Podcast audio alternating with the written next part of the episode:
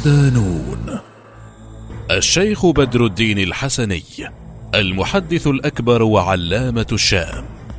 مقال لرامي السقا. ضمن ملف مجددون.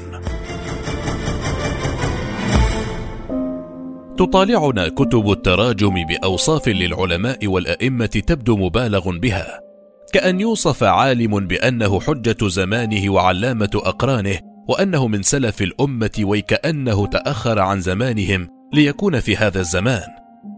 على أننا عندما نرى إجماع الناس من مدرسة ذلك الرجل ومن غيرها من أبناء بلده ومن غيرهم في الثناء على مكانته العلمية ورصانته وشخصيته ومواقفه لا يمكن إلا أن ينتابنا الفضول الشديد للتعرف أكثر إلى ذلك العلم. الشيخ محمد بدر الدين الحسني علامة الشام الذي وقف على حلقته مرة مفتي الديار المصرية العلام الشيخ محمد بخيت المطيع رحمه الله. فلم تطب نفسه أن يجلس في حلقة شيخ لا يعرفه لكنه اضطر فاستمع إلى درسه فأعجب به حتى قال له ربنا يخليك ما فيش في الدنيا النهر ده واحد تاني زيك. المحدث الأكبر المجدد الذي قاد نهضة علمية عامة في بلاد الشام تعد كل أو معظم المدارس العلمية الموجودة الآن من ثمراتها. وقيل فيه إنه كان سر قوة دمشق الذي تلجأ إليه كلما داهمتها الخطوب وإنه لم يأتي من خمسمائة عام عالم مثله. صحيح أن وجود العلماء في أمة المسلمين لا ينقطع ولا يدعي مادحوه الذين قالوا فيه ما قالوا إنه قد انقطع العلماء عن الأمة ثم جاء هو.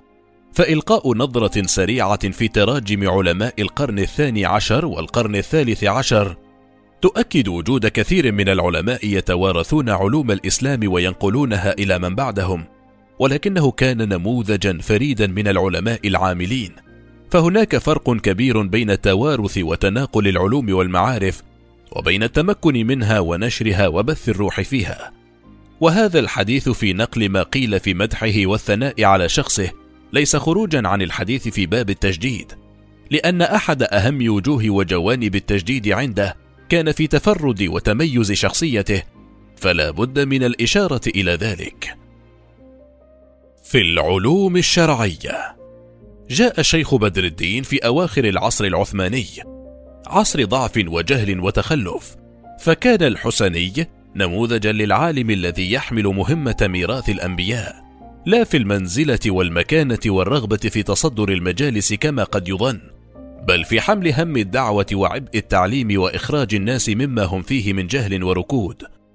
فنذر حياته للتدريس والإقراء والتعليم وتنشئة أجيال من العلماء اسسوا بعده حركات دعوية ومدارس علمية ساهمت مساهمة كبيرة في محافظة أهل بلاد الشام على تعاليم دينهم والاعتناء بتراثهم وتجديد الإيمان في قلوبهم. فإذا كان أحد أهم أبواب التجديد الإتيان باجتهادات معاصرة في استجابة لمقتضيات العصر فإنه من التجديد الذي لا يستغنى عنه أن يأتي علم كبير كالشيخ بدر الدين في مرحلة انتشر فيها الجهل وبلغ الغزو الثقافي فيها ذروته. فيحيي تدريس العلوم الشرعية الأصيلة ويعيدها إلى مكان الصدارة في توجيه حياة الناس ويثبت انتماء الناس لدينهم وخصوصياتهم الحضارية. ولا يستطيع أن يؤدي هذه المهمة إلا عالم من نوع فريد من نموذج علماء السلف في سعه العلم وسيرة الحياة. وقد كان كذلك على الحقيقة للمبالغة الشيخ بدر الدين الذي قال عنه شيخ الطنطاوي في مقالة له في مجلة الرسالة عدد 105 كان أقل مزايا شيخ بدر الدين الحسني أنه كان يحفظ صحيحي البخاري ومسلم بأساندهما وموطأ مالك ومسند أحمد وسنن الترمذي وأبي داود والنساء وابن ماجه ويروي لك منها ما تشاء كأنه ينظر في كتاب. ويكمل الطنطاوي يحفظ أسماء رجال الحديث وما قيل فيهم وسنين وفاتهم ويجيبك عما شئته منها.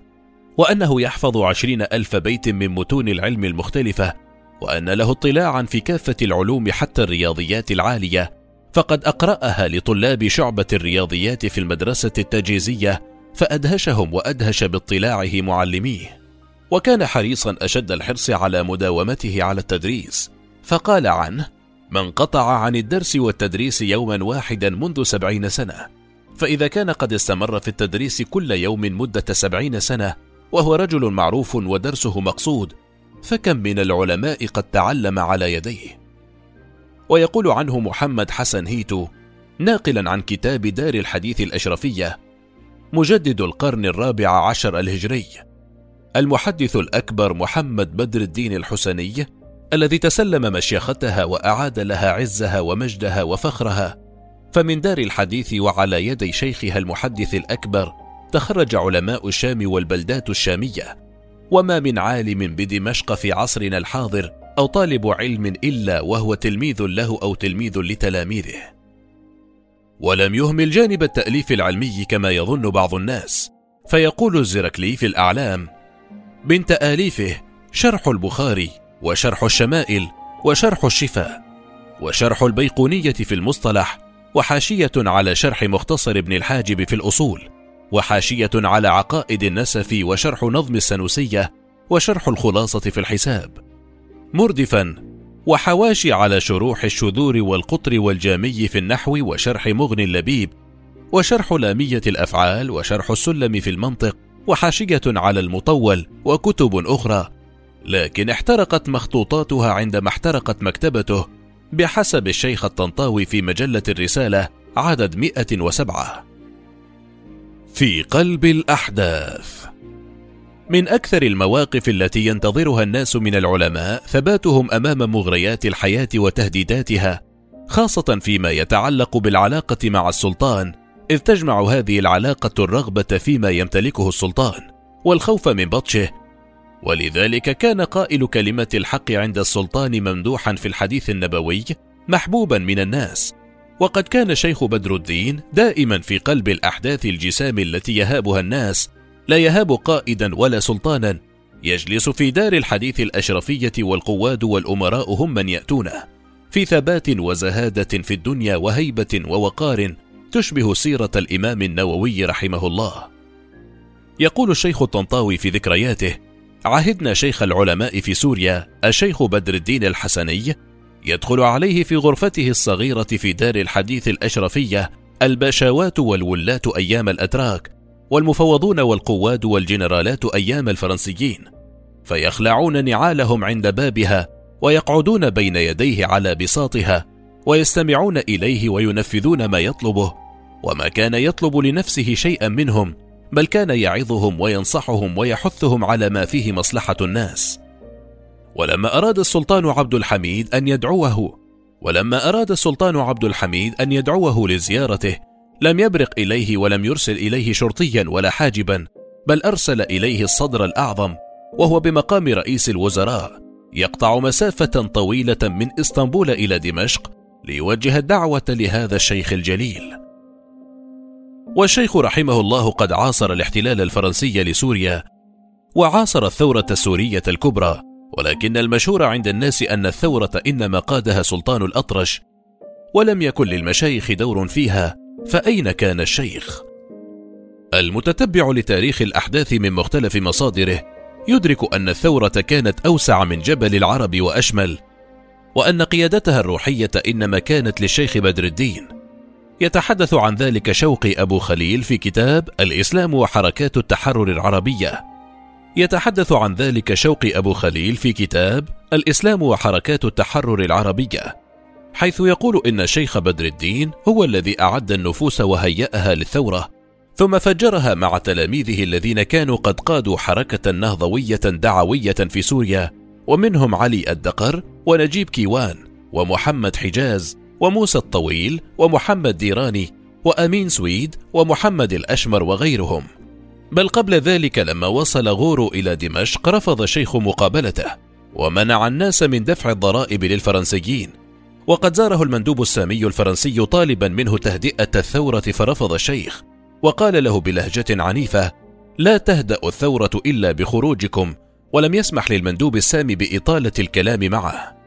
وبعد إزاحة السلطان عبد الحميد عن الخلافة وتحكم الاتحاديين بشؤون الناس وما رآه الشيخ وغيره منهم من انحرافات كان له دور مهم في إطلاق الثورة العربية الكبرى.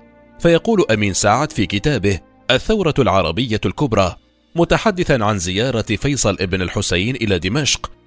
كما حمله الشيخ بدر الدين الحسني وعلي رضا باشا الركابي ختميهما الذاتيين إلى والده علامة موافقتهما على إعلان الثورة. غرفة خارج سلطة الاحتلال. ما يروى عن شخصية الشيخ وهيبته واستقلاله برأيه عن كل سلطة وقوة ولو كانت سلطة احتلال همجي وحشي. يؤكد ما قيل عن غرفته أن الله حماها بهيبة العلم. وهذا جانب آخر من جوانب التجديد عنده. فالأول تجديد في إحياء العلوم الشرعية والثاني تجديد في الثبات على المواقف والحفاظ على التعاليم السامية والقيم العليا وعدم التأثر برغبة أو رهبة. والثالث هو الشخصية القدوة. الشخصيات القدوة خلال التاريخ كانت إحدى أهم وسائل تثبيت الناس وكانت شخصية الشيخ بدر الدين واحدة منها لتقدم نموذجا للمسلمين في العالم العامل الثابت على المبدأ. فلسان الحال أفصح من لسان المقال. فلسان الحال أفصح من لسان المقال والنظر إلى الذات القدوة مهم في تثبيت النفوس. الفصل بين التعاليم المجردة والأشخاص الذين يحملونها غير ممكن في الواقع أو هو أمر شديد الصعوبة لا يقدر عليه إلا قلة من الناس. لذلك كانت الشخصيات التي تمثل الدين هي التي تعطي الدين ثقله ووزنه ومكانته في نفوس الناس بل في نفوس الحكام.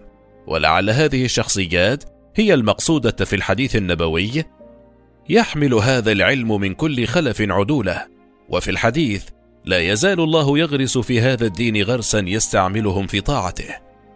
ولذلك كان انحراف بعض الناس عن الدين بسبب ما يرونه من بعض رجال الدين من مخالفة بين أقوالهم وأفعالهم. ولو قرأ القارئ الحديث ولو قرأ القارئ حديث التجديد بعد قراءته لما سبق عن الشيخ بدر الدين لأدرك أنه أحد المجددين. إذ جدد للأمة أمر دينها في إحيائه وإعادتها إليه وفي التعليم والقدوة.